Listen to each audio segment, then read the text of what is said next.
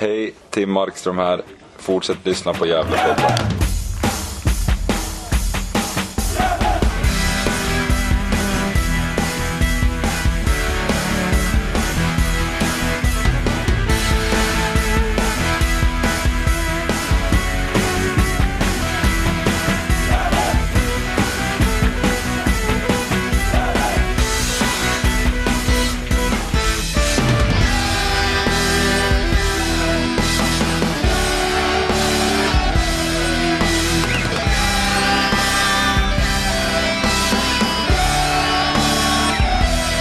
Hälsar vi alla varmt välkomna till Gävlepodden 246 i ordningen. Och i- idag är det dags för motståndarkollen återigen.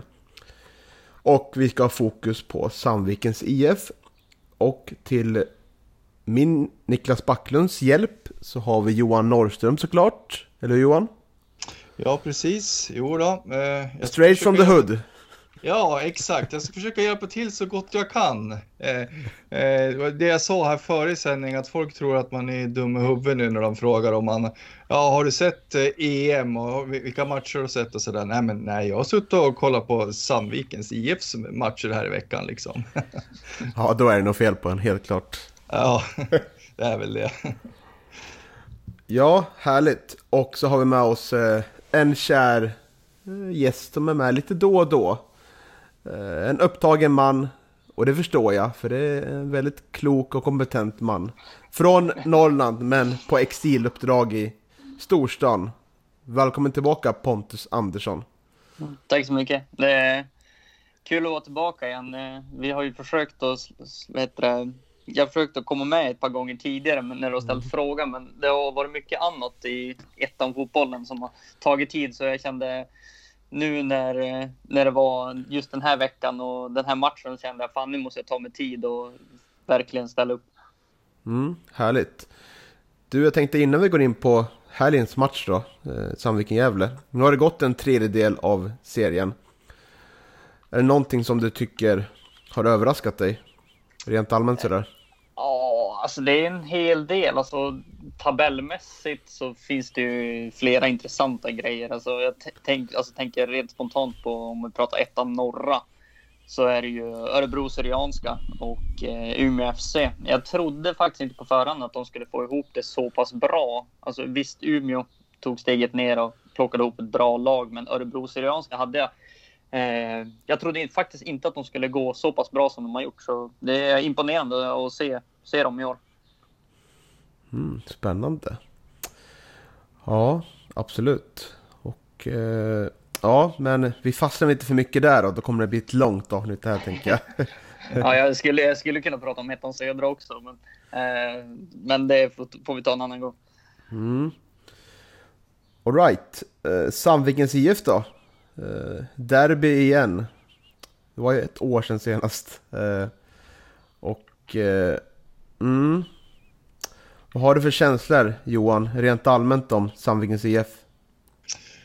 Ja, nej, det är ju som jag sa till Pontus innan sändningen att den här matchen ser man ju fram emot med lite skräckblandad förtjusning. Det är ju det är en viss tjusning med matcher som kanske för oss supportrar åtminstone ger det lite extra så här och eh, men eh, det är en viktig match även eh, liksom ett sportsligt ja, eh, synvinkel också för att vet du, det, eh, skulle Gävle vinna den här och hängmatchen mot eh, Piteå, så då är man ju nästan ikapp Sandviken och då har man ju rejäl toppkänning. Så, så på det viset är det ju också en viktig match. Så det är väl eh, det är lite så jag har funderat här under veckan. Ja, visst. Och eh, lite snabb bakgrundsfakta om Sandvikens IF. De har ju spelat 21 säsonger i Allsvenskan. Eh, och enligt Wikipedia, får se om det stämmer. Eh, det är en klubb i Norrland som, som har flest säsonger i Sveriges högsta serie i fotboll för herrar.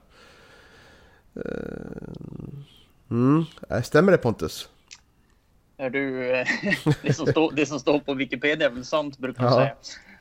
Jag vet faktiskt inte, jag har inte så bra koll på den här maratontabellen så. Eh, men om det står på Wikipedia är det säkert sant. Det kändes spontant som att det inte var sant, men ja, det stämmer säkert som du säger. Nej, jag vet, jag har faktiskt ingen aning. Nej, det får väl. Eh, det finns säkert några Sandvik-supportrar som gärna upp, upplyser dem om, om eh, klubbens anrika historia. Det, eh, det var ju nästan igår de spelade allsvenskan så att det finns säkert någon som kan upplysa oss ganska mycket om den frågan i så fall.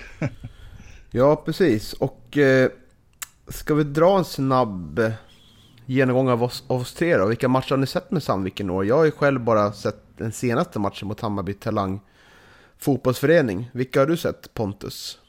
Eh, jag har sett ganska många om jag ska vara ärlig. Jag tror, jag har inte sett, jag tror jag har sett fem, sex styckna eh, under, nu under inledningen. Eh, senaste matchen jag såg var faktiskt Dalkurd-matchen eh, där de vann med 3-2. Sen har jag sett några, typ, jag såg Umeå-matchen också där de förlorade. Eh, men jag såg inte Hammarby-matchen. Mm. Du då Johan? Ja, jag såg eh, den mot, har sett den mot BP och den mot Umeå och den mot Dalkurd och den här senaste mot Hammarby talangfotbollsförening då. Så right. att, eh, ja, det har blivit några matcher. Ja, och eh, har ju börjat säsongen väldigt bra. Eh, framförallt så börjar man de första fyra matcherna med att inte släppa in en boll. Och eh, stod på 10 av 12 poäng möjliga där och eh, höll en nolla mot Örebro Syrianska hemma också. Trots att det blev kryss. Eh, har ju släppt in väldigt lite mål. Och eh, har ju den här vinsten mot eh, Dalkurd då, som den kanske främsta meriten av lagen man mött. Eller vad säger du Pontus? Ja, åtminstone när det kommer till spel. Eh, jag tycker att de, alltså visst, eh, när de vann eh, med 6-1 mot Sollentuna, den, den matchen såg jag också. Den var, den var ganska imponerande. Eh, hur, hur effektiva de var.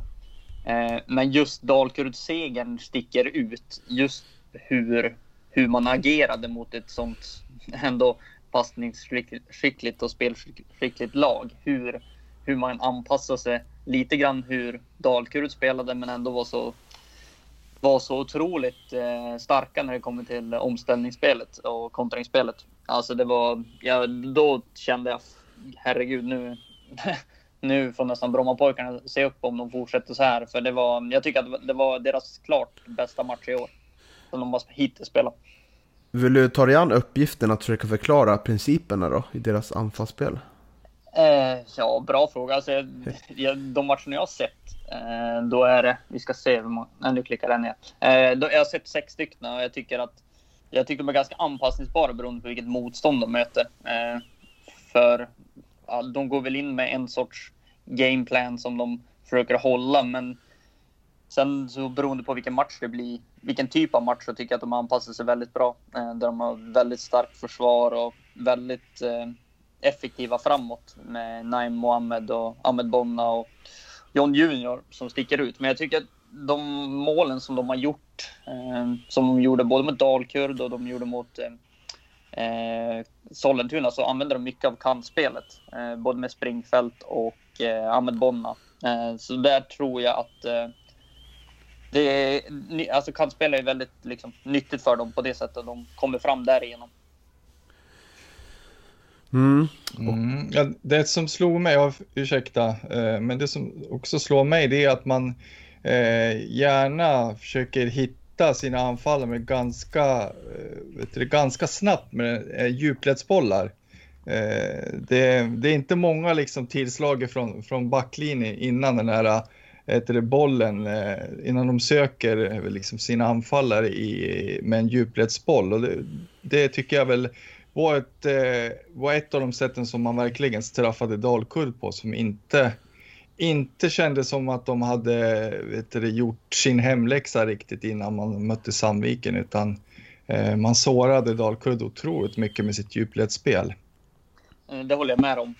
Just den här taktiska förändringen som de har, som de har tvingats göra eller om de har gjort medvetet, det är att flytta upp eh, Naim Mohammed på topp. Eh, du får en helt annan sorts djupledshot i honom än vad du får kanske i Hägg och Belander som är kanske lite mer statiska så framåt. Eh, och så flyttar de, flyttar de Bono på vänsterkanten och så flyttar de upp eh, Naim Mohammed längst fram och det tror jag är en del av deras, det är en, deras framgångs, vad ska jag säga, framgångsrecept skulle jag säga. Ja, och jag har ju sett matchen då, som sagt, som Sandviken spelade senast mot Hammarby TFF. Och eh, där spelar man ett 3-4-3 system. Men jag tycker att i anfallsspelet så blir det mer eh, 3-2-4-1 eh, genom att eh, yttermittfältarna, Bonde och Springfält i detta fall, går väldigt högt upp och breddar ganska mycket. Och eh, Bonna och Junior som är en del av det tremanna eh, anfallet går ganska mycket inåt och försöker hitta yta där. Och man söker då den här trebackslinjen bestående av Håkansson, Mård och Törn. Försöker slå en rak boll fram till helst då Bonna och Junior. Som sedan försöker driva med boll eller eh, få ut den till kantspringarna. Och eh, ja, och genom det så har man ju Bonde där, eller springfält på en varsin kant som överbelastar där. Eh, och eh, det funkar väl inte jättebra mot Hammarby TFF, men det var väl mest för att det kändes som att det var en ganska svag insats. För jag kan tänka mig hur det kan se ut när det verkligen är ett bra passningsspel. Att det är ganska giftigt då, för det går ganska fort. Och sen har man ju, tycker jag, också lite, eh, lite, lite längre bollar då. Som man försöker med den här matchen. Mot Emil Belander som andra känner till. Uh, och det var man ju ganska lyckat med förra året när vi mötte Gävle. Att man körde längre bollar. Så det är väl en kvarleva från förra året tänker jag. Uh, men det är ganska intressant tycker jag att se, se den uppställningen. 3-2-4-1 som jag vill kalla det. Ja, vad tänker ni? Ser det ut så här i de andra matcherna också? Eh, ja, det skulle jag säga. Det är väl hyfsat snarlikt eh, de matcherna jag såg i alla fall. Men sen så eh, själva spelsystem hit och dit. Jag tror men de, de, de anpassar sig ganska mycket också. Alltså själva backlinjen är väl backlinjen är väldigt kompakt på så sätt, men eh, sen förändrar de väl på olika sätt hur de ska hota sina motståndare. Eh, alltså just i det fallet eh, med när de ska attackera och så vidare. Men jag tror att det var en bra beskrivning av det, hur de vill eh, anfalla i alla fall. Mm. Och eh, det är ju, det är ju en väldigt... Det krävs ju att man har tränat väldigt mycket på det här spelet de gör, för det är ju en del, en del risker tycker jag. Det tycker jag man märker den här matchen mot Hammarby TFF, att det blir ju en del bolltapp där, när de inte lyckas inte lyckas eh, göra det tillräckligt bra så att säga. Och då blir det att eh, det blir ytor bakåt som... Ja, Hammarby TFF är ju ett lag som har många individuellt skickliga spelare men så har de ju massa brister också. Eh, mm. För det är det som var så... Mm, jag såg bara highlightsen från den matchen, men de, det, jag tyckte jag, det jag såg i alla fall var att de kom till väldigt många inläggslägen eh, åt FF och det var så de gjorde eh, målen också. Mm. Där känns det som att eh, de kanske kommer att rätta till det framöver. Ja, det behöver de ju göra för att eh, det, det, var ju som sagt det som du var inne på Niklas, att det var ett väldigt ramstarkt eh, försvar som Sandviken hade börjat med. Det har ju sviktat något på slutet och jag tycker väl att Hammarby TFF visar att det finns luckor mellan annars stabila Olof Mård och Niklas Håkansson där att eh, det, det finns ytor däremellan och att deras kommunikation kanske inte alltid är klockren. Och, eh, ja, det är ju, jag har varit lite förvånad att, att, de, vet det, att det var på det sättet man släppte in målen faktiskt när jag såg matchen. Ja, visst är det så. För det, om man kan se på svagheten så är det faktiskt den här matchen de här tre mittbackarna där, där bakåt som, inte alls har kontroll på, på Hammarby TFFs eh, anfall utan det, både 1 och eh, 0, eller både 1-0 och 2-1 tillkommer ju att de har total fri yta där inne. De får ju placera in bollarna hur lätt som helst känns det som. Eh, och eh, ja, de kändes inte så jättesnabba heller i, i djupledsspel bakom där. Nej, det, jag tyckte jag såg det på highlightsen också. Det kändes som att de hittade, de hittade den där ytan faktiskt. Eh, vilket var lite förvånande. De stod kanske lite högt upp också. Eh, på målen där. Eller ett, när de slog bollen i djupled i alla fall. Eh, alltså stod lite, lite högt upp. Eh, men det, det är också så här, det som jag tycker i alla fall Sandviken har visat på slutet är att de, som mot Umeå så gör de väl ingen jätteprestation och de förlorar med 3-1, kommer tillbaka, gör typ säsongens starkaste prestation mot Dalkurd. Eh, kanske, kanske mindre bra mot eh, HTFF där. Eh, och sen den här matchen, då vet man inte riktigt vad, vad man kan förvänta sig av dem. Nej, precis. Det ska bli spännande att se. För eh, ja, men eh, det är ju normalt sett så ska ju Sandviken naturligtvis inte ha några problem att slå Hammarby TFF. Det, eh, man eh, vill ju inte säga i efterhand att det skulle handla om någon slags underskattning, men nog, nog kändes det som att jag, många i, i Sandvikens eh, ja, lag trodde att det skulle bli en lättare insats än, än vad det vart. Helt enkelt att det var nog lite av en underskattning ändå. Eh, det kanske inte är, är så konstigt heller. Eh, nu har man ju gått bra i väldigt många matcher och så där och det är väl inte så konstigt att det kommer ett och annat sånt här bottennapp. Eh, det är väl mest konstigt att det, att det liksom sker mot, mot jumbon då i så fall.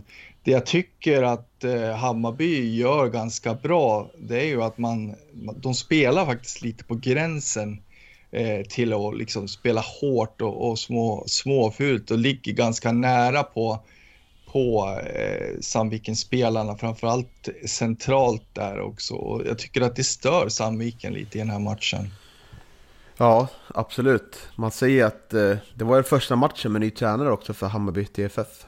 Och eh, det känns som att det var ett otroligt taggad, taggade spelarna i Hammarby TFF som verkligen liksom ville eh, gå in och visa att vi, eh, vi vill inte åka ur den här serien utan vi ska kämpa till, till sista minuten. Och, eh, de gör det bra tycker jag. Absolut. Och eh, spelar liksom... Eh, båda lagen försöker ju pressa ganska högt, högt tycker jag. Och eh, Hammarby TFF lyckas ju spela sig ur första pressen ganska bra tycker jag. Och eh, därför det blir ganska böljande spel. Så därför att eh, Sandviken lyckas ju inte trycka ner, ner dem över hela matchen. Utan eh, det blir lite fram och tillbaka där. Och eh, det gynnas ju Hammarby TFF av helt klart.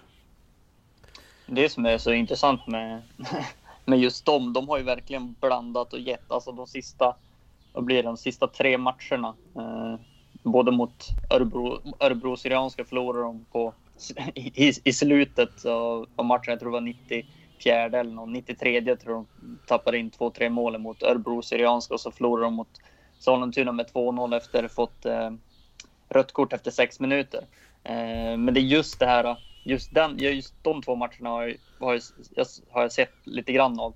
Eh, då kändes det verkligen som att de var på gång Eh, Hammarby TFF. Just att de... Det, det, var liksom dags att börja ta de här poängen och tre poängen. Det kändes som att det var nära. Eh, sen att det kom mot Sandviken, det var ju extra kul för dem. Eh, men det, jag blev faktiskt lite överraskad när jag såg resultatet i, i efterhand. Där.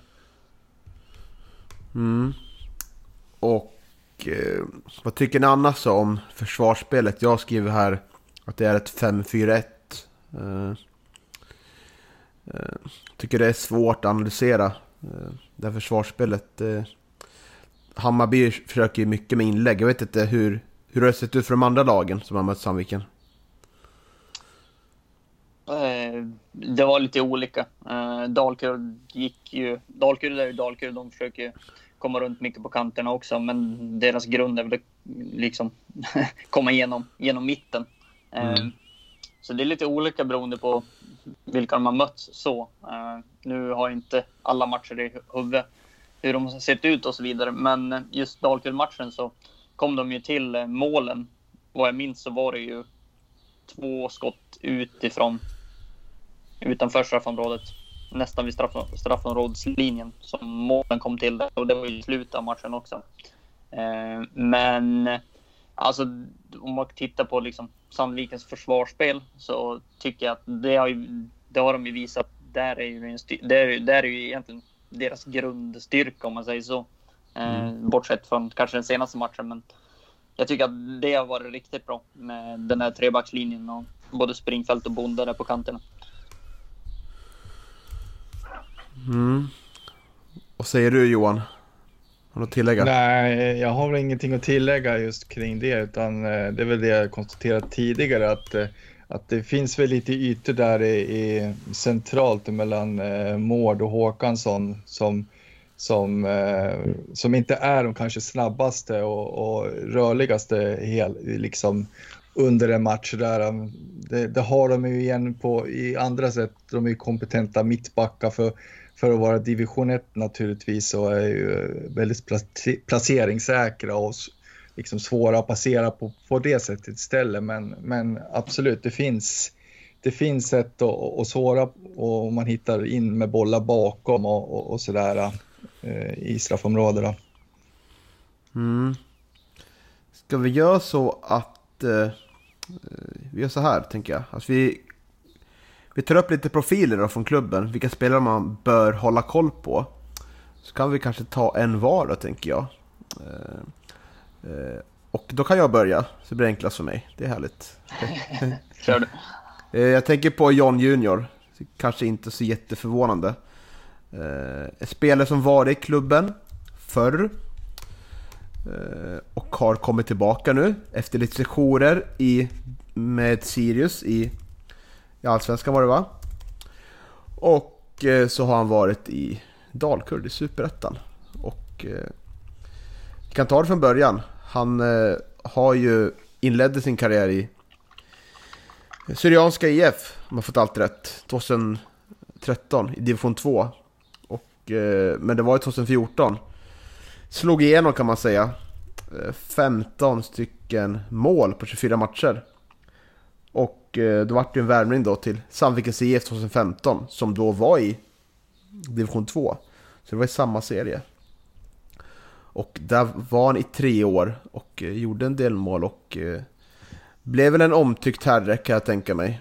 Eh, och vart ju sen eh, värvad till... Kan det vara Sirius han blev värvad till? Sen vart utlånad till Karlstad United. Mm, det känns bekant. Mm. Så tror jag det vart när jag ser på svensk fotbolls sida här. Att han gjorde, han gjorde ju tre cupmatcher då för Sirius. Men 28 matcher för Karlstad United, som nu inte finns längre. Men i division 1 norra. Och eh, sen spelade han för Sirius 11 matcher 2019. Och eh, 21 matcher för Dalkurd 2020. Men även tre matcher Svenska Cupen i Sandviken då, det året. Men nu har han spelat, eh, ja, från start i Sandviken. Så han har ju varit runt lite överallt, men har ju rutin och eh, det är väl en stark värvning får man säga, från ett Dalkurd som har trillat ur en serie. Eller hur? Ja, rolig och intressant eh, karaktär där. Kan ju bli lite het på planen upptäckte jag, för det var väl i den här matchen emot eh, Hammarby TFF när han hamnade i handgemäng med, med jag vet, Hammarbys tränare. tycker jag var lite roligt. Eh, lite intressant att det inte resulterade i, i, i, i något mer. Eh, men ja, eh, han vart rejält osams med, med Hammarbys tränare där på, på, vid sidlinjen och tycker jag var, ja, det var lite intressant. Vi måste ju... Ja. Förlåt? Nej, kör på du. Ja, nej, men det, ja, det är en rolig, rolig, var en rolig karaktär. Och naturligtvis otroligt duktig fotbollsspelare också. Eh, tycker jag. Snabb, teknisk. Eh, eh, otrolig tillgång för, för Sandviken i, i deras anfallsspel. Så, ja. Ja, det, var ju det där var ett litet sidospår, det där med, med handgemänget, men jag tyckte det var lite roligt att nämna. Och så en, en otroligt skön, eller märklig får man säga, situation som hände senaste matchen var att han, han kom ju fri där eh, och domaren blåste, han blev, han blev fälld. Och alla tror att det är frispark där med BTFF, men han blir varnad eh, för det där. Och sen går han och konfererar med linjedomaren, huvuddomaren. Och eh, då får ju Sandviken eh, frispark. Men det är väldigt oklart om han fortfarande är varnad eller inte varnad. Så det man kunde tolka från tv-rutan var att han blev varnad för filmning, men Sandviken fick frispark ändå. Ja, exakt. Så, och, det, och det roliga var ju också för att eh, man hör ju liksom lite pratas i bakgrunden för, för kameran och mikrofonen plockar ju upp en del och då var det eh, någon som ifrågasatte, vet du, ja men varför, eh, det, så ska det vara frilägesutvisning då. Eh, men, men då hade domaren inte riktigt koll på vem det var som hade fällt honom och därför kunde han inte ut, visa ut någon. Så att ja, eh, rolig situation, eh, väldigt udda situation.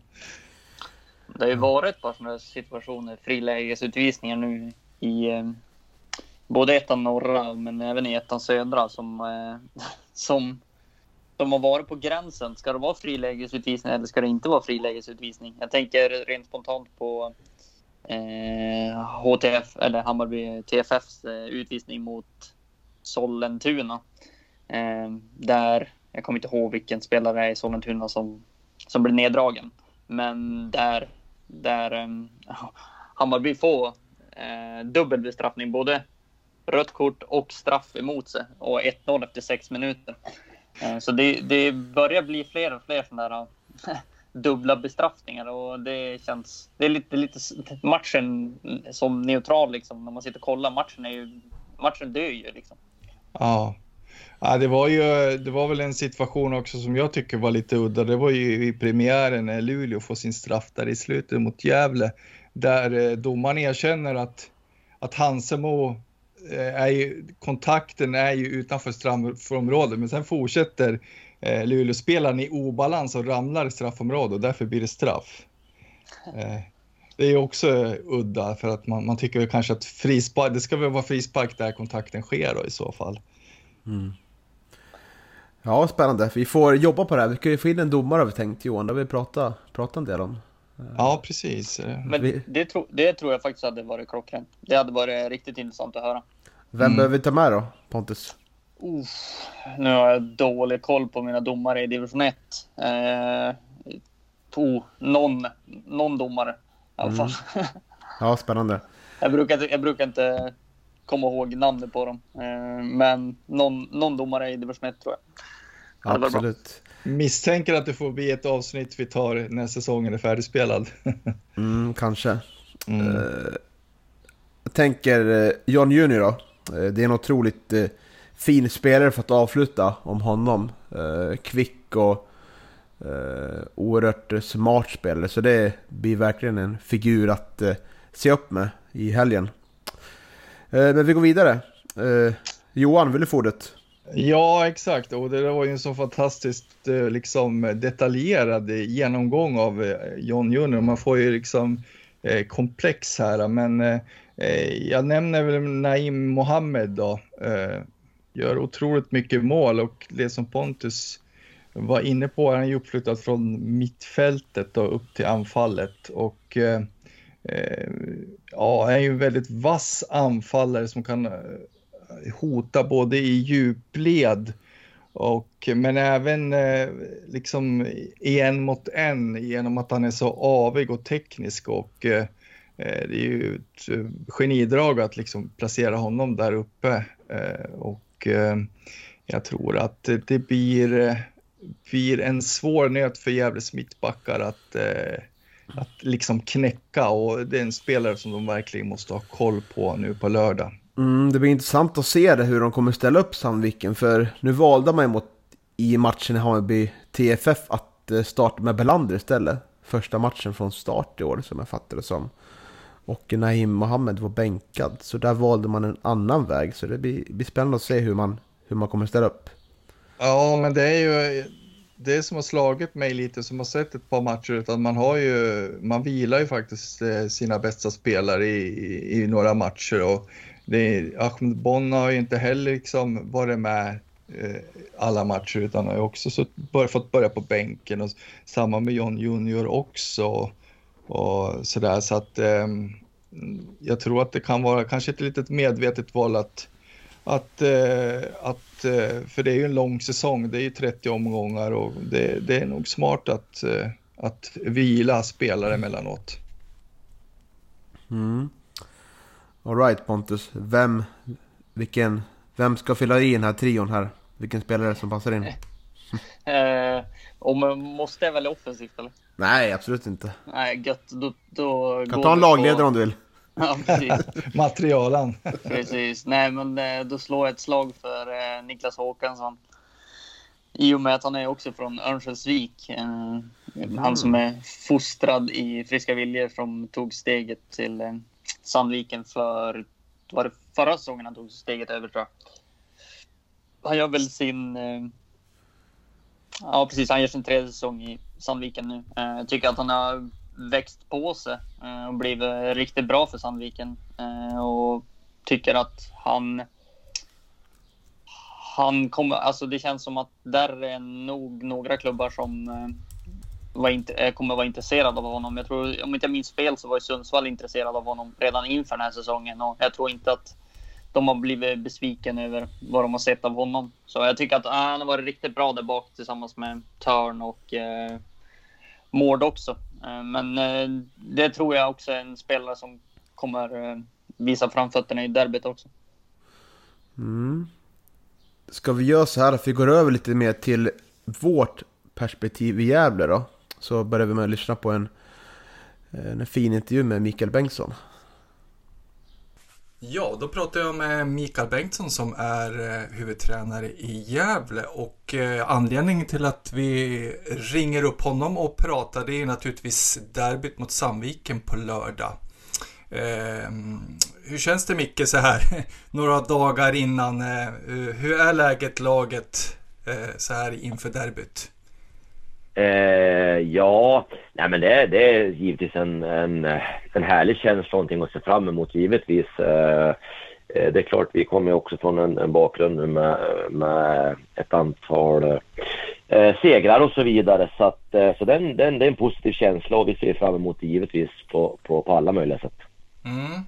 Eh, hur ser det ut i truppen nu och hur ser det ut med skador, avstängningar och sådär? Ja, eh, nej, men egentligen så just nu är det våra två så, så kallade långtidsskadade spelare, Nils Eriksson och Stoffer Eriksson som, som inte är tillgängliga just i dagsläget. Så att eh, i, i övrigt är alla uttagningsbara. Mm. Ja, men det, det, känns ju bra eh, att eh, Mm. den där listan har blivit lite kortare. Fast Mm, naturligtvis ja, vill ha tillbaks eh, Våfflan och, och Nisse också såklart. Ja, Mm. absolut. Ja, eh, ja, men du var lite inne på det. Eh, jag har sex raka matcher utan förlust. Eh, vad skulle du säga är den främsta orsaken då till att ni, ni har rest er från den här dåliga starten? Mm. Oj, eh, det, det är ju såklart många faktorer egentligen skulle jag säga. Eh, eh, och eh, ska jag försöka någonstans sätta fingret på, på en sak så tycker jag ändå att det har Eh, extremt mycket med, med det mentala jobbet vi har fått gjort under den här perioden skulle jag säga. Ehm, jag tycker ändå att vi, ja, den tunga starten eh, är ju grundat i givetvis i våra resultat, att vi inte har ja, gjort tillräckligt bra resultat givetvis inledningsvis. Eh, sen är det såklart att vi har pendlat i prestationen inledningsvis också. med, Men med väldigt bra prestationer och, och givetvis dåliga prestationer. Men eh, tittar man på slutet också egentligen, de, de, som du säger, de sex sista omgångarna egentligen, där, där vi inte förlorar så, så är det fortfarande matcher där jag tycker vi gör riktigt bra prestationer och, och, och som sagt vad vi kan ha tyvärr lite eh, stora dippar egentligen i vår prestation. Men men nu har fått med oss just resultatet ehm, eh, ändå och eh, jag tycker det är just att den mentala styrkan som har fått, fått till och, och som jag säger jobbat med att att just det här med våra förväntningar inledningsvis av den här säsongen att, att liksom många känner och tycker att ja, men det här ska vara ett, ett topplag, man ska slåss om plats ett och två och allt vad det innebär eh, eh, och det kravet vi- man, man, vi får på oss och så vidare så så blir det ju det efter tre omgångar, man har tagit en poäng så, så är det svårt att hantera det. Det är klart att det, det blir en press som gör att det blir en, en, ett ifrågasättande till sig själv om man är tillräckligt bra, är laget tillräckligt bra? Eh, och när, när det börjar någonstans hamna i en sån tankegång så det är klart att det blir självförtroende drabbat och man blir lite osäker i vissa beslut man tar på plan och man blir lite osäker på även hur man ska eh, ja, men hantera olika situationer och liksom eh, det, det är klart, då, då är det svårt att, att, att få allting att spelas på automatik, vilket man, man önskar i fotboll givetvis. Eh, så vi har egentligen gjort det sista tiden, eh, jobbat extremt mycket med att, att lägga bort förväntningar och pressen och, och liksom försöka och jobba mycket med vad, vad är det vi vill prestera varje träning, vad är det, hur ska det se ut, eh, vad är vilka bilder vill vi ha då? Och även i, såklart i våra matcher att, att verkligen försöka jobba med att det, det, det är vår prestation som är viktig och att vi, det är det vi kan försöka styra över så gott som möjligt. Och sen får vi se vad resultatet blir utifrån det. Så att, eh, det är väl egentligen eh, det kortare svaret av jag tycker vi har tryckt på. ja, jag tänkte på den här pressen då som du pratar om, är det, är det press som eh, spelarna satt på sig själva eller är det den här pressen utifrån? Eh, vad, vad beror det på att man har, känt press tror du? Ja, men jag skulle nog säga att det kan vara en kombination av det givetvis att, att eh, vi som, som lag och som, som individuella spelare har såklart alltid en press på sig att man ska prestera och, eh, och så. Eh, sen har man såklart egna målsättningar både internt Eh, eller individuellt men även liksom som, som lag också. Och, eh, såklart också när, när eh, den förväntningen utifrån blir på ett sätt och eh, vi kanske har en annan så, så kan den krocka lite grann, vilket vi har sagt att vi ska försöka bli bättre än förra året, försöka vara topp fem. Och, men kanske många tycker och anser att vi ska kanske vara eh, slåss om en serieseger och så vidare och det tycker jag liksom kanske är ja, det, det, får stå för dem som har den förväntningen eh, och vad de grundar det kan jag inte svara på. Men jag tycker vi, vi hamnar någonstans där tror jag ändå undermedvetet eh, som spelare och så vidare. Att ja, men det, det är där vi ska vara. Och, eh, när då liksom kanske inte det ser ut som, som man önskar eller får de resultat man önskar så blir det liksom en, en viss eh, del som blir en problematik i det liksom. Mm, mm. Ja, precis. Ja, nej, det, det är väl eh, så att eh, det är väl en process och att eh, man ska väl kanske skynda långsamt. Det, det är väl liksom lite för väl högt ställda förväntningar att tro att, att eh, ni ska liksom gå upp i superettan den här säsongen.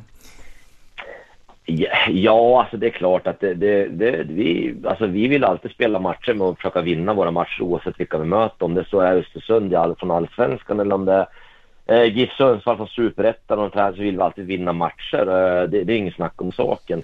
Eh, sen är det så där att vi, vi måste också någonstans se till eh, ja, eh, vad, vad, vad hamnar det och vad, vad blir slut, eh, slutanalysen efter varje match som sagt. Jag menar det, eh, det är klart att eh, jag tycker vi har gjort matcher när vi har faktiskt förlorat som jag tycker vi Ja, men vi, vi är klart värd poängerna men, men vi, vi får det, det är så små detaljer som gör att vi inte har fått med oss vissa matcher i vissa poäng då. Men ja, man kanske har fått det lilla, lilla flytet. Visst, någon match där vi kanske inte har presterat helt eh, överlägset men, men ändå liksom fått, fått till ett mål i rätt läge eller att vi, vi har stängt ner vissa saker i rätt läge som gör att eh, ja, det blir som det blir. Då. Men det är små detaljer och, och någonstans så tycker jag också att vi eh, som sagt vi vill gärna som sagt var året när jag kom så höll man på att åka ur division 1 och det som är rimligt där är att vi ska försöka bli, vara i det fallet ett stabilt mittenlag och det var, var vi förra året och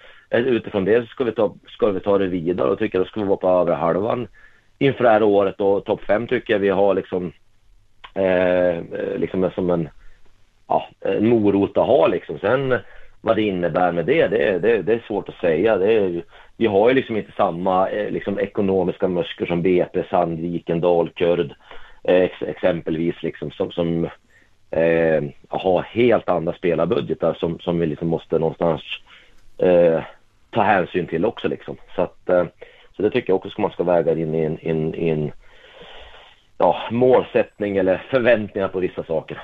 Mm, mm. Ja, men om vi hoppar över på, på lördagens motståndare Sandviken då, som har börjat serien väldigt bra. Eh, mm. mm jag något som jag slås av när jag ser Sandviken, det, det är det som man bygger sitt eh, framgångsrika anspel, anfallsspel på, det är att man söker mycket snabba eh, och raka bollar i djupled på, på sina anfallare. Är det något som ni har uppmärksammat också? Ja, framförallt så tycker jag om man, om man eh, tittar till Sandviken i år kontra kanske tidigare år, speciellt förra året, som jag givetvis analysera dem lite mer än vad jag gjort före det. Så, så det är klart att eh, Sandviken har, tycker jag, fått in eh, individuellt väldigt mycket bra spelare eh, som man vill sätta i spel offensivt.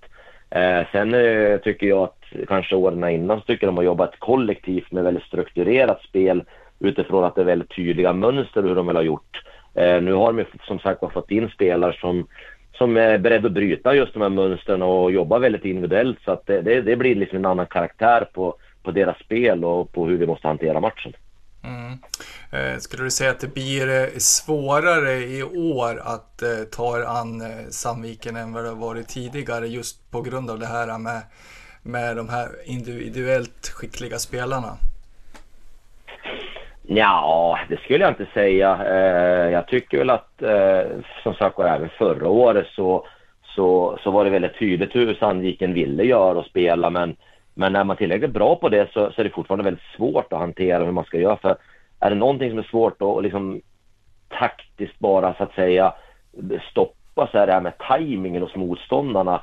Eh, exakt när de springer, exakt när de slår bollen, exakt när de utmanar, exakt när de dribblar det är ju saker som liksom hamnar i, i hos, även hos våra individuella spelare att hantera. Så att, eh, det är klart att som man tittar på förra året med, med, med i Sandviken så tycker jag att de just har den här tajmingen som lag eh, och liksom mellan spelarna hur de hanterade olika skeden.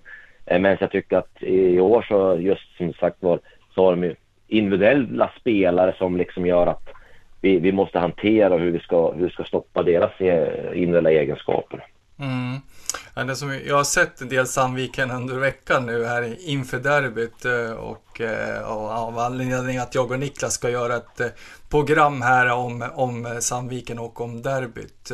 Som vi, mm. vi kallar det för motståndarkollen. Det har vi ju ja. gjort i ett antal eh, veckor nu och kollat på era motståndare lite närmare. Eh, ja. Eh, precis, det som jag har uppmärksammat eh, det är ju att eh, de här matcherna man har tappat poäng i, så där, då är det ju när man inte har fått till sitt eh, djupledsspel. Eh, mm. Mm. Jag tänkte, vad blir viktigast för er på, på lördag? Är det att koncentrera er på ert eget spel eller kommer ni anpassa er lite efter Sandviken? Det, det, det är som alltid en kombination skulle jag säga. Det, det, det är klart att Eh, vi, vi, måste ju tro på det vi håller på med till att börja med. Att vi, vi någonstans eh, inte förändrar vårt eget spel för mycket. För det är ju ingenting vi eh, liksom håller på att träna på varje dag utan vi tränar på vårt spel. Eh, så det måste ju fortfarande vara den, den, största grunden till vad vi vill göra offensivt och vad vi vill göra defensivt. Sen, sen är det såklart att sen, sen måste vi ha respekt för oavsett vilka vi möter, om det är så att det är Sandviken eller Täby så har alla lag sina styrkor som vi måste hantera. Eh, vilket vi måste kanske justera eventuellt vissa saker i, i vårat eh, ja, men defensiva spel, eventuellt offensiva spel. Eh, men, men det får inte vara för stora förändringar för det tror jag eh, det blir ganska otydligt i, i, en förlängning av att man ska jobba så liksom utan vi måste hålla oss till vår grund, grundidé och vad vi, vad vi faktiskt vill i vårt spel. Eh, sen absolut så som sagt och som jag sa så ska man ha respekt för dem man möter alltid. Eh, om det så liksom, alla lag har sina styrkor och alla lag har sina svagheter. Så det gäller att, och såklart att eh, vissa gånger så, så, så passar det in väldigt bra att möta lag som har just sina svagheter med sina egna styrkor. Så då, då bör man egentligen inte fundera så himla mycket överhuvudtaget. Utan då, då det gäller det att få till det, det, det egna ordentligt så att säga. Men eh, visst, det, det är klart att när man möter lag eh, av den här kalibern Sandviken så, så måste vi ta hänsyn till deras och svagheter givetvis. Mm, mm. Ja, intressant. Du, hur, hur förbereder ni killarna i laget nu inför för derbyt? Eh, gör man något speciellt eh, i en sån här viktig match eller vet, försöker ni behandla det som att det skulle vara vilken match som helst? Ja, nej men det måste vi göra. Jag tror att det blir det, det kommer vara en, en anspänning hos spelarna ändå, just att det är ett derby. Och som sagt var, man, man har en historik i det här med, med, mellan de här lagen. Det finns en, en säkert en, en viss eh, liksom eh, eh ja, rivalitet mellan spelarna som känner varandra och allt vad det innebär för någonting. Så att jag tror inte man ska, vi får, vi får inte liksom göra det på något annat sätt än vad vi brukar göra, utan det, det är en fotbollsmatch vi ska spela. Eh, vi, vi vill vinna våra fotbollsmatcher och hur gör vi det på bästa sätt? Eh, hur förbereder oss? Vi tror på det sätt vi har gjort hittills så vi vill fortsätta på samma sätt på det. Liksom att samma rutiner, samma, samma ingång till match givetvis. Det, det tycker jag. Sen kanske det möjligtvis eh, ska vara att vi måste hantera deras anspänningsnivåer om det så att man känner att det liksom blir för, för liksom upphaussat. Ja, jo, jag förstår. Det, det kan hända att det finns en och annan spelare som kanske behöver tas ner lite. ja. Så kan det vara. Ja. Eh, vilka spelare i laget tror du kommer bli nyckelfigurer i en sån här derbymatch då? Eh, ja, men jag skulle säga det, det, det är svårt att tycka jag peka ut en enskild spelare egentligen i det här fallet. Eh, jag, jag tror att, eh, som jag sa, i och med att, i och med att Sandviken tycker jag har, som sagt var, eh, Eh, individuellt väldigt skickliga spelare så kommer det handla väldigt mycket om hur vi kollektivt jobbar tillsammans. Eh, så det, det, kommer vara en, det kommer vara en nyckel för oss att, att vi, vi tillsammans jobbar kollektivt rätt mot deras spelare. Eh, defensivt i alla fall. Sen offensivt så, så kommer det fortfarande handla om att, att, att prioritera vilka ytor vi spelar i och, och hur vi kan styra spelet givetvis. Och, och även såklart givetvis hur vi ska hota deras, deras straffområde helt enkelt. Eh, så det, det kommer ju vara givetvis nycklar på, på det sättet rent kollektivt. Mm, mm. Det var ganska täta och chansfattiga derbymatcher förra säsongen. Då. Vilken, vilken matchbild tror du det kommer att, eh, vi, vi, kommer att få se nu på lördag? Eh, ja, jag skulle utgå från att det kommer vara raka motsatsen, skulle jag tro i alla fall. Eh, jag tror ju i och med att vi någonstans också i grund och botten vill gärna ha ett possession-spel och styra matchen genom att ha bollen, eh, vilket eh, som sagt att Sandviken också har, har hamnat i så att säga och även som sagt vill, vill eh, eh, även spela liksom någonstans med, med fart, med, med att kunna attackera på ganska många olika sätt egentligen. Så, så det kommer säkert bli eh, en, en, en stor skillnad, skulle jag tippa på i alla fall, från, från förra året. Mm. Ja, vi får, vi får väl hoppas det då, så får vi hoppas att, att Gävle vinner. Det, det vore ju jättehärligt. Ja. Du, äh, vet du Micke, en liten fråga off topic här. Äh, det blir ingen återkomst för, för ja, publikkära i Uranera i Gävle. Han, han uppges ju vara klar för Trollhättan. Eh, kommer ni försöka förstärka truppen i sommar? Eh, eller är du och Mehmet nöjda med hur truppen är utformad nu? Eh, vi kan väl säga så här, vi, vi kommer ha, vi har lite olika vägar att gå i det där skulle jag säga. Eh, vi, vi, kommer, vi kommer göra så att vi vill, eh, vi vill titta på eh, så, såklart eh, möjligheten att stärka laget och det är precis det vi i så måste göra tycker jag, att vi måste titta på spelare som, som vi anser är så, så, på en sån nivå som gör att vi det är spelare som kommer in i, i laget och gör oss bättre eh, ordentligt. Eh, vi ska inte titta på spelare för att bredda truppen, för trupp, truppstorleksmässigt är jag ändå rätt så nöjd eh, på det sättet. Så Isvall ska vara in en, en, en eh, spelare som, som verkligen höjer laget eh, och mer eller mindre nästan ska vara startspelare på en gång. Eh, det är den ena vägen. Den andra vägen är att vi Eh, såklart försöker kanske titta på eventuellt låna in spelare om det skulle vara ett alternativ. Det är inte heller omöjligt.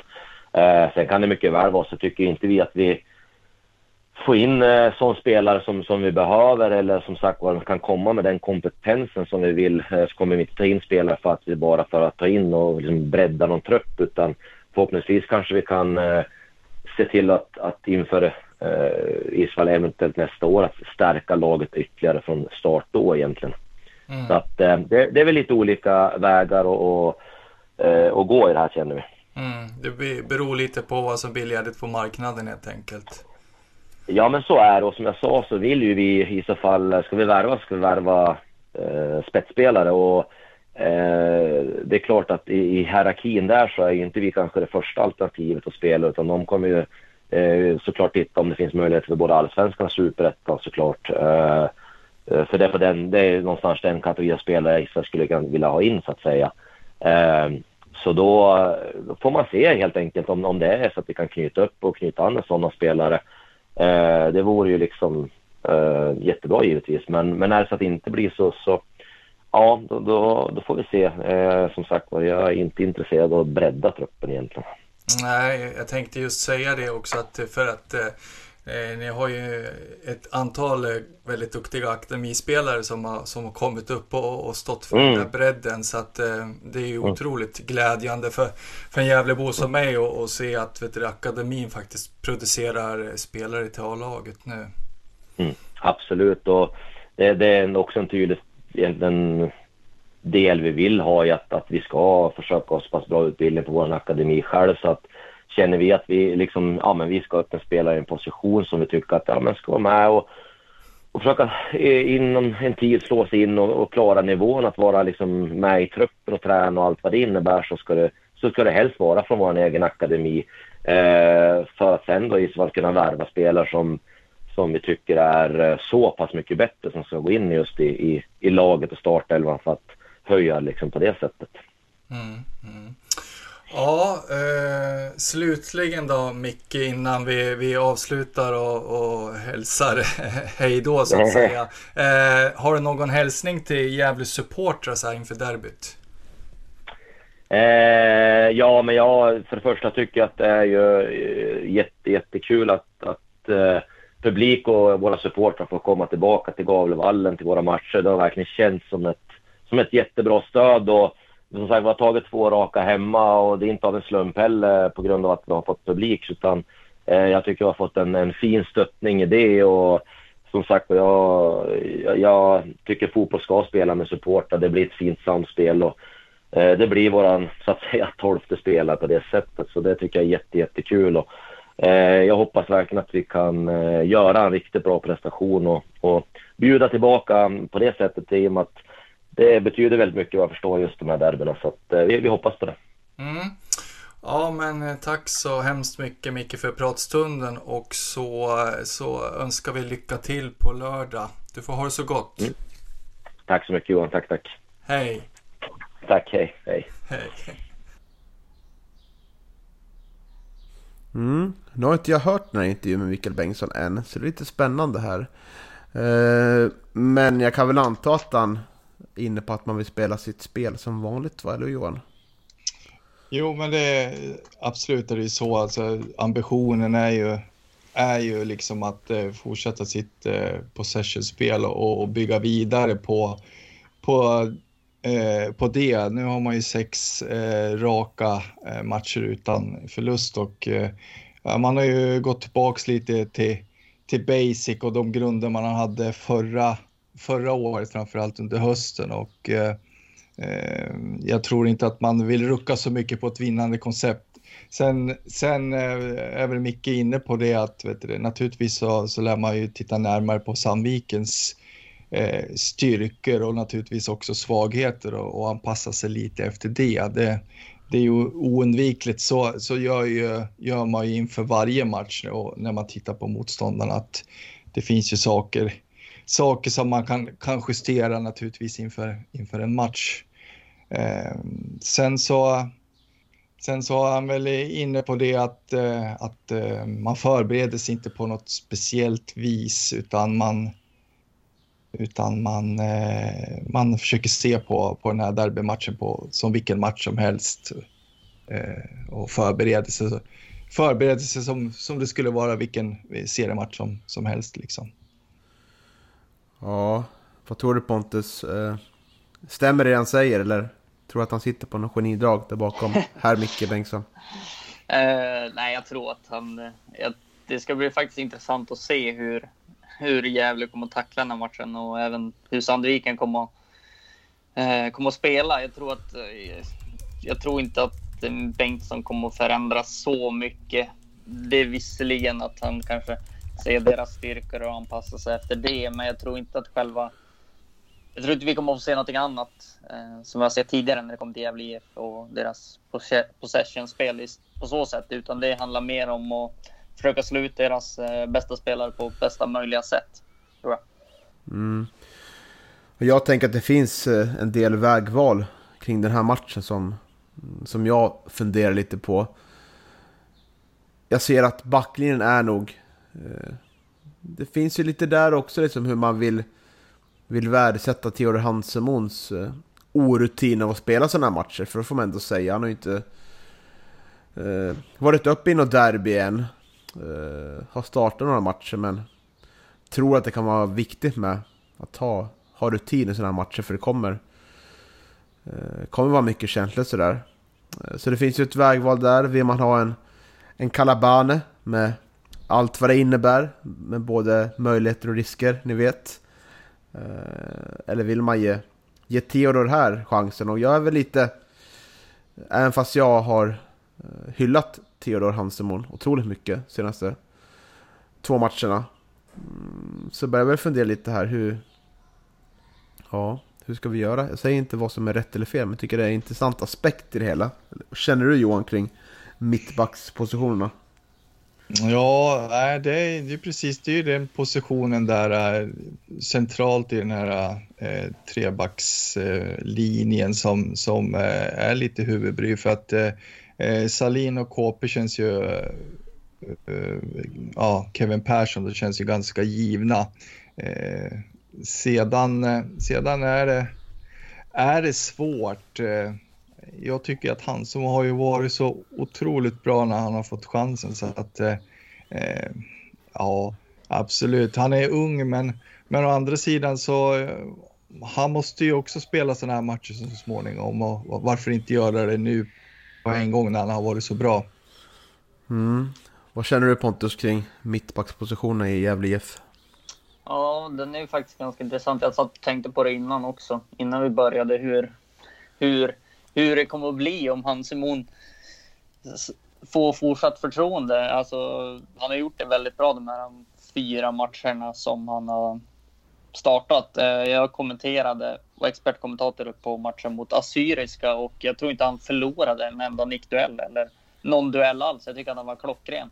Nu möter han ju ett annat sorts motstånd med lite andra eh, spelare som är lite på som är högre nivåer. Eh, så det ska bli lite spännande att se, för jag tänkte, jag såg att Sandlund hoppade in i senaste matchen. Eh, så mm. alternativet om man kör Granat och Sandlund på mittfältet och Kalabani tar steget ner istället för Hansemon. Men jag tror att Hansemon kommer att till slut ändå fortsätta eh, där bak. Jag tror inte att det blir någon mittbacksförändring så. Jag tror att han är ganska bra fysisk form och det han har visat upp hittills, eh, de fyra senaste, så är han ju mentalt redo. Eh, mm. Och det som du var lite inne på tidigare, just det. Om det är någon match som han ska liksom spela så är det den här matchen som får en värdig, värdig erfarenhet från ett derby. Liksom. Mm. Det är väl lite inne på här, försöker, mm, försöker komma kanske runt det, men jag vill ändå... Jag vill ju se Calabani i sån här, i sån här slags match. Jag tror han gör otroligt stor nytta med att vinna duellspelet, vare sig det är i, i mitt, som mittback eller som, som innermittfältare. Men så har, ju, har vi sett vad Sebbe Sandlund gjorde för skillnad när han kom in eh, halvleken senast där. Det var ju en annan Sebbe än vi sett eh, eh, tidigare i år. Innan skadan kom. Det var ju, nu var det en Sebbe med, med driv med boll och med, som vågade framåt och sådär. Eh, så jag försöker väl hitta något, eh, försöker så här Hitta något rätt svar hur man kan ha Sandlund, Calabane och Granat på plan samtidigt. Och Theodor Hansemon då, men eh, Det kommer jag inte hitta något svar på tror jag, men eh, eh, Nej, vi hör, ni hör hur det låter, men Ja, eh, men ja precis. Det, det som är lite intressant också, det är ju om inför Täby-matchen så var man ju osäker på, eh, man hade ju bara tänkt ge Sandlund 15 minuter eh, på slutet där. Eh, och man var lite osäker på om man skulle hålla en hel halvlek. Mm. Nu är det ju frågan, då håller han för spel i 90 minuter. Och, det känns det väl inte som att han gör det va? Nej, det känns ju tveksamt. Så att, det är ju inte alls omöjligt att, att man tänker sig att Granat och, och Jaja Kalabane börjar centralt på mittfältet. Ja, för det känns ju som att Oskar Karlsson är inte aktuell för en startplats, tolkar jag det som i alla fall. Med tanke på att han spelade P19 eh, förra helgen. Samtidigt som, samma dag som Gävle spelade A-lagsmatch så, så tror jag att han är fjärde valet på den positionen nu igen då. Eh, och eh, ja, sen har vi lite andra intressanta val där. Eh, det är ju höger mittfältspositionen där. Där Sutso och eh, Nisse Nilsson har spelat varannan match det känns som. Eh, kanske. Eh, dels på grund av att Sutsu har varit skadad en del. Men även lite för att Nisse har gjort fina insatser också. Vad skulle du välja Pontus? Skulle du välja Nisse Nilsson eller Sutsu i den här matchen? Som högerfältare?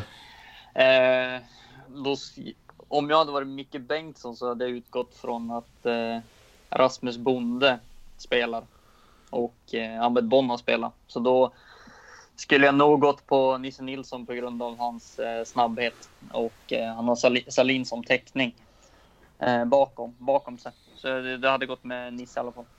Just på grund av eh, hur snabb Bonde och eh, Ahmed Bonn är.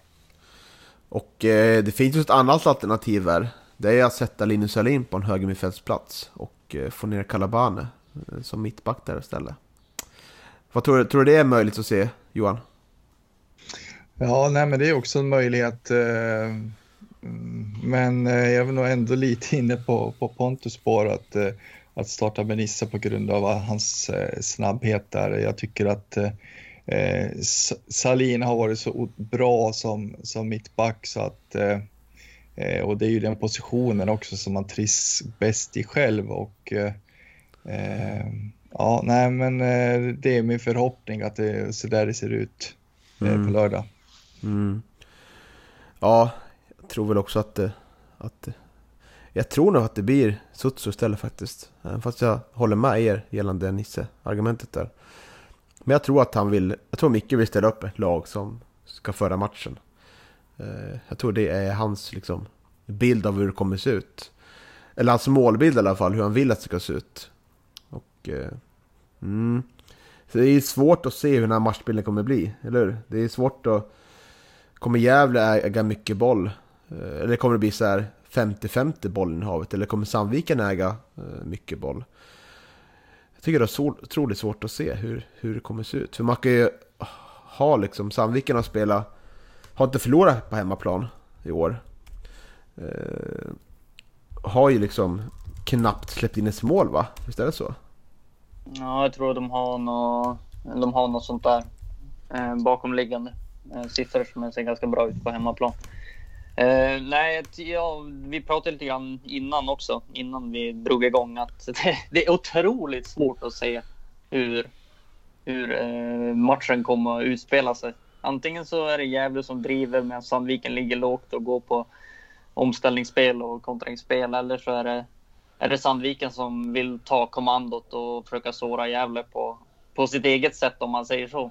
Så nej, jag är verkligen laddad inför det här mötet. Det ska bli otroligt som neutral åskådare. Uh, otroligt roligt att se matchen. Mm, man har alltså hållit nollan av tre av fem hemmamatcher. Och uh, har ju, ska vi se här, vunnit uh, tre stycken av dem. Och ja, det är otroligt imponerande såklart. Eh, och eh, ja, alltså, ja, sista positionen jag funderar på det är ju säker på att Pontus Jonsson såg lite sval ut. Vart utbytt alltid senast om. Det kanske är Jakob Hjelte som hoppar in där men jag hoppas väl och tror på att det är Pontus Jonsson som får starta där. Vad tycker du Johan? Ja, det är svårt. Det, det kan ju vara intressant med, med en start av Hjälte också som har ett eh, har historik och ett eh, förflutet i, i Sandviken. Det, det är alltid trevligt med, med, med den, eh, ja ja ska man säga, bilden av att släktet är värst. Det kanske blir så att, att det är Hjälte som, som avgör den här matchen. Det skulle ju vara skönt.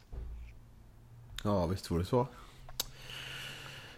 Och sen så med, med hjälte får du också, alltså du kanske inte får den här speeden och snabbheten som Jonsson besitter, men du får ju en arbetsmoral som är ganska viktig i ett derby på mm. så vis. Mm. Jo, jag, jag håller med. Hjälte är ju en väldigt smart spelare också dessutom som, som, eh, som gör, eh, gör eh, liksom sina medspelare liksom bra på, på, på sätt och vis, eller om ni förstår vad jag menar. Ja, mm. han, han bidrar mycket. Det som är, det tycker jag, han, det är väl en av hans, en av hans styrkor liksom att han han, han, han, ser, han får andra att se jättebra ut. Alltså på det sättet. Inte, alltså på ett snällt, om man nu säger det på ett snällt sätt. Liksom. Han har ju andra egenskaper så också, men eh, just den här arbetsmoralen och liksom lagmoralen, att verkligen jobba stenhårt är ju imponerande av honom. Mm. Och är ju dessutom målfarlig också. Det fick han ju äntligen visa förra säsongen då han ju faktiskt gjorde 14 mål så att eh, eh, det är ju en eh, spelare som som bef ja, besitter de här eh, egenskaperna att kunna eh, vara het i straffområdet och göra mål också. Det var, jag kände lite grann på förhand att eh, i och med att, vad ska jag säga, både Sandviken och Gävle har ju starka spelare med huvud. Så det är också så här, när det blir fasta situationer. Jag tror att eh, där kommer vi kanske få se en eller två mål och jag tror att det är just en sån luftspelet kommer liksom bli, kan bli avgörande i en sån här match. Mm. Absolut. Mm. Jo, för det är som ni säger, det, det är svårt att analysera och, och veta hur, hur eh, matchen kommer att gestalta sig. Man, eh, man vill ju att, gärna att det ska vara öppna spel, men, men samtidigt så eh, när man väl domaren blåser igång matchen så, så eh, brukar det ju kunna bli ganska tilltäppt och, och, och tråkiga derbymatcher tyvärr, men det, det återstår att se. Det blir väl en sån här klassiker. Eh, 0-0 i halvtid och sen så växlar det upp i andra halvlek och blir 1-1. Ja, precis. Någonting sånt. Visst är det så. Ja, nu har vi pratat på ett bra tag här. Är det någonting vi har saknat att ta upp tycker ni? Det är, eh, om man ska gå till Gävles håll så har vi faktiskt inte pratat om Leo Englund eller Isak Lidberg någonting. Det har vi inte gjort. För, för, förvånans, förvånansvärt har vi inte gjort det faktiskt. Mm. Vad tycker du eh, Pontus om Leo Englunds säsong hittills? Vi har ju pratat en del om honom i podden att han kanske inte gjort de här målen han förväntas göra och eh, hade problem i början av säsongen med att hitta rätt tycker vi. Ja, det känns som att om man tittar på hur Leo såg ut förra året så tittar man i år. Eh, han, var ju ganska, han var ju betydligt mer målfarlig förra året. Eh, men det känns som, visst han har gjort tre mål i år och han har gjort två mål på slutet om jag inte minns fel.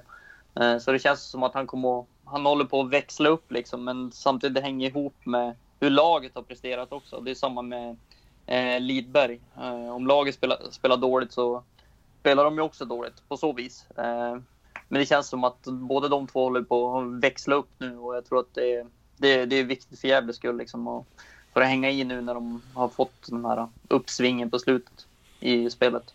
Mm. Vi pratade lite i eh, förra podden att det, det här är liksom... Nu har vi en del raka vinster, men det har varit mot lag som vi förväntas vinna mot. Nu möter vi Sandviken, Örebro Syrianska, eh, Karlstad och BP. Alla topp 6-lag. Det är nu är det liksom visa sig vilken del av tabellen vi ska tillhöra. Ja, men lite, lite så är det. Jo, det är ju så. Det är, det är väl därför det, det skulle vara så otroligt det är skönt om, eh, om man kunde knipa poäng mot Sandviken, helst tre då, för att eh, då har man, det är ju en väldigt fin språngbräda liksom uppåt och att man börjar närma sig toppen och få lite vittring. Och jag tror att det är, är någonting som kan vara eh, väldigt viktigt för, för lagmoral och så också att eh, trots den här eh, liksom dåliga starten som, som det ändå var så, vet du, så eh, kan man ändå få vittring på, på toppositionerna i tabellen och det, det, det skulle vara riktigt skönt. För om man jämför med ettan södra så var ju utsikten i ett snarlikt, vad ska jag säga, Gävle och Utsikten gick väl parallellt med varandra. De båda fick väl en kämpestart även fast de var liksom topptippade av många på det sättet. Eh, Utsikten hade ju problem med skador men Gävle hade problem med spelet i sig. Eh, så det känns, och så nu, nu på slutet har ju båda gått riktigt bra så det så man, man ska inte räkna ut säsongen efter tre matcher. Liksom. Nu står Utsikten på 18 poäng och Gävle står väl på 15 om inte såg, så, om inte såg fel. Så det känns som att eh, båda är liksom på uppgång på så sätt. Mm. Härligt att höra från från en expert ändå. Eller Johan? Ja, absolut. Eh, Då är inte vi experter, du och jag då? Ja, Jag, Du- som har, jag som har förutspråkat tålamod här i jag vet inte hur många omgångar när alla andra har, har börjat prata om division 2 så, så har jag ändå, om jag får slå mig lite för bröstet, vet du ändå liksom eh, sagt att vi, nu får vi lugna ner oss lite. Det, det är 30 omgångar och det här är ju liksom division 1, det är vad som helst kan hända. ja bra Johan. Mm. Fick jag klappa mig lite själv på axeln. Ja, det tycker jag. kändes skönt nu. Ja. Ska vi eh, runda av med det? De berömmande orden till dig Johan. Ja, men det tycker jag, det tycker jag var en väldigt bra avslutning. Stopp, stopp, stopp, stopp, stopp. Innan vi, Mm. innan vi klapp, klappar, vi säger avslut så måste vi faktiskt tippa. Vad tror ni om resultatet om alla får tippa? Ja, Eh. oj. Jag, jag försökte ju undvika den och, och vet du, avsluta den här podden snabbt på det viset. Jaha, resultat. Mm. Nej, Niklas får börja. Ja, Jag har faktiskt tippat eh, matchen redan en dag. Eh, Lokaltidningen ringde upp mig och ville höra vad jag tyckte. Eh, Och jag var lite defensiv då, så jag tippade 1-1. Eh, Kanske lite tråkigt, men... eh, eh, Ja, jag är jävlig IF-supporter, jag är liksom inte... Va- När vann vi fyra matcher senast i rad? Det lär ju inte ha hänt. För, det måste vara före andra världskriget eller någonting. Måste höra. Division 86 eller någonting sånt där kanske. Ja, precis. Få, få höra med Jimmy Morén. Ja, fa- faktiskt. Det var en bra fråga. Mm.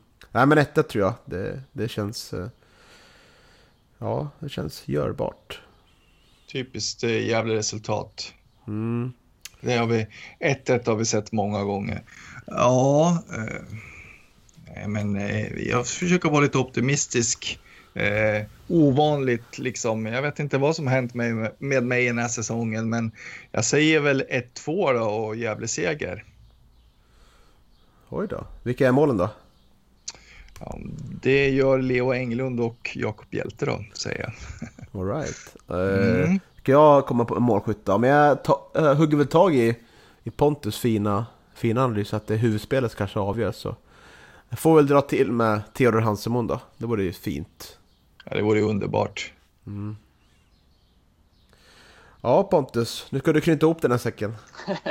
Jag, jag, jag, får väl, jag tänkte säga 1-1 baserat på fjolåret, men då får jag väl säga typ då säger jag typ 3-3 och sen kvittering i 89 av no, något av lagen. Mhm. Är det en match där det blir 3-0 till ena laget eller blir det så här?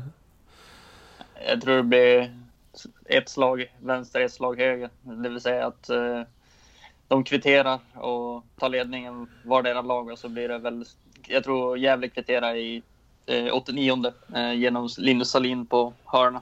Mm. Så blir det 3-3. Vore trevligt. Mm.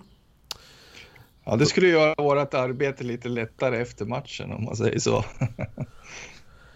Visst är det så. Men då ser vi fram emot en eh, förhoppningsvis trevlig derbymatch då. Så tackar vi dig Pontus för att du gästade oss det här avsnittet. Tack själv, kul att vara med.